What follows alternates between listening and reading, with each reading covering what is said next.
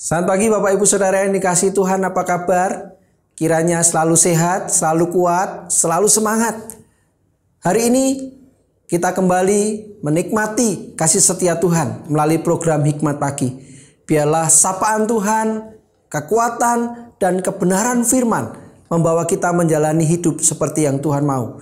Kita punya pengharapan kita punya iman, dan hidup dalam kasih setia Tuhan. Mari kita siapkan hati kita, mari kita berdoa. Bapak yang baik kami datang di hadapan Tuhan dengan penuh syukur dan sukacita. Terima kasih untuk kehidupan yang boleh kami jalani sampai hari ini. Bahkan di hari yang baru ini Tuhan, Engkau memberikan kami kesempatan kehidupan. Kami percaya kasih setia Tuhan baru setiap hari. Kasih setia Tuhan selalu hadir dalam kehidupan kami. Dan mampukan kami untuk menjalani hari ini di dalam kesetiaan Mampukan kami untuk menjalani hari ini di dalam sukacita dan semangat karena kami tahu Tuhan beserta. Di dalam nama Yesus kami berdoa. Amin. Bapak Ibu Saudara yang dicintai Tuhan, tema kita hidup dituntun oleh rohnya. Dan kita akan membaca dari surat Galatia pasal 5 ayat 24 saja. Demikian firmannya. Barang siapa menjadi milik Kristus, Yesus, ia telah menyalibkan daging dengan segala hawa nafsu dan keinginannya. Demikianlah firman Tuhan, berbahagia setiap kita yang membaca, merenungkan, dan melakukan firman-Nya. Haleluya. Bapak Ibu Saudara yang dicintai Tuhan, A.W. Tozer adalah seorang pendeta dan penulis buku yang sangat terkenal. Dalam bukunya yang berjudul The Attribute of God, Deeper into the Father Heart. Terdapat suatu kutipan yang menarik berkaitan dengan kekudusan hidup. Toser mengatakan, kekudusan sebagaimana yang diajarkan oleh firman Tuhan sejatinya tidak pernah didasari oleh karena pengetahuan dan kekuatan kita. Sebaliknya, kekudusan itu hanya didasari oleh kebangkitan Kristus yang tinggal dalam hidup kita dan mengubahkan kita untuk menjadi serupa dengannya.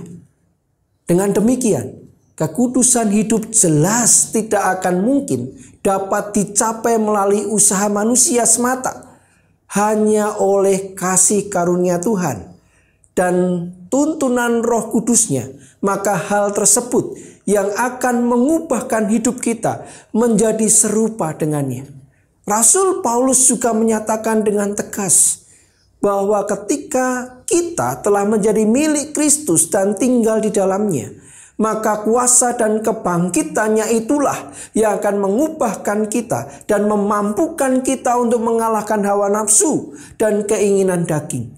Keinginan hawa nafsu dunia tidak akan pernah berhenti untuk mengancam dan mengintai kehidupan orang percaya dalam kehidupan sehari-hari pun kita selalu diperhadapkan dengan pilihan untuk mengikuti kehendak nafsu dunia atau kehendak Tuhan. Bapak Ibu yang dikasih Tuhan, kegagalan demi kegagalan kita untuk menjaga kekudusan hidup sebenarnya sedang memperlihatkan betapa lemah dan rapuhnya kita tanpa tuntunan tangan Tuhan. Oleh sebab itu, melalui tuntunan Roh Kudus dalam hidup orang percaya, maka kita diberikan kekuatan untuk mampu mengalahkan keinginan daging yang menjerumuskan kita ke dalam dosa. Marilah sebagai milik Tuhan dan anak-anak Tuhan dengan penuh kerendahan hati kita memberikan diri untuk dipimpin oleh Roh Kudusnya. Mari kita memberikan diri untuk terus dipimpin menuju hidup dalam pertobatan dan kemenangan bersama Kristus. Hidup yang menyenangkan dan memperkenankan Tuhan adalah buah dari pekerjaan Kristus yang luar biasa ajaib dalam diri orang percaya dan bukanlah hasil dari usaha manusia. Hidup berkemenangan atas dosa dalam tuntunan rohnya. Amin. Mari kita berdoa. Bapak yang baik kami datang di hadapan Tuhan, tolong kami. Supaya di dalam pertarungan hidup ini Tuhan, kami sungguh-sungguh hidup dalam kekudusan. Kami hidup dalam ketaatan. Kami hidup dalam kebenaran. Dan biarlah Engkau mendapati kami supaya kami menjadi pribadi-pribadi yang menyenangkan hatimu, pribadi-pribadi yang takut akan Engkau dan hidup dalam kebenaran firman. Tolong kami hari ini Tuhan, supaya kehidupan kami bukan kehidupan yang sia-sia, namun kehidupan yang menyenangkan dan memuliakan hati Tuhan. Di dalam nama Yesus kami berdoa. Amin. Bapak Ibu Saudara yang dikasih Tuhan, hidup terus berjalan. Tuhan memberikan kita kesempatan, namun sekaligus Tuhan juga memberikan kita berkat untuk hidup dalam naungan kasihnya. Kemilau dunia selalu membuat silau, tak jarang membuat gelap mata dan membuat terjerumus dalam dosa. Bagaimana menghindari dan melawannya?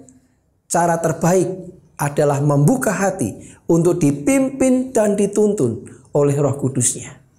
Selamat berjuang, selamat menikmati hari ini, tetap sehat, tetap semangat, jalankan protokol kesehatan. Tuhan memberkati kita.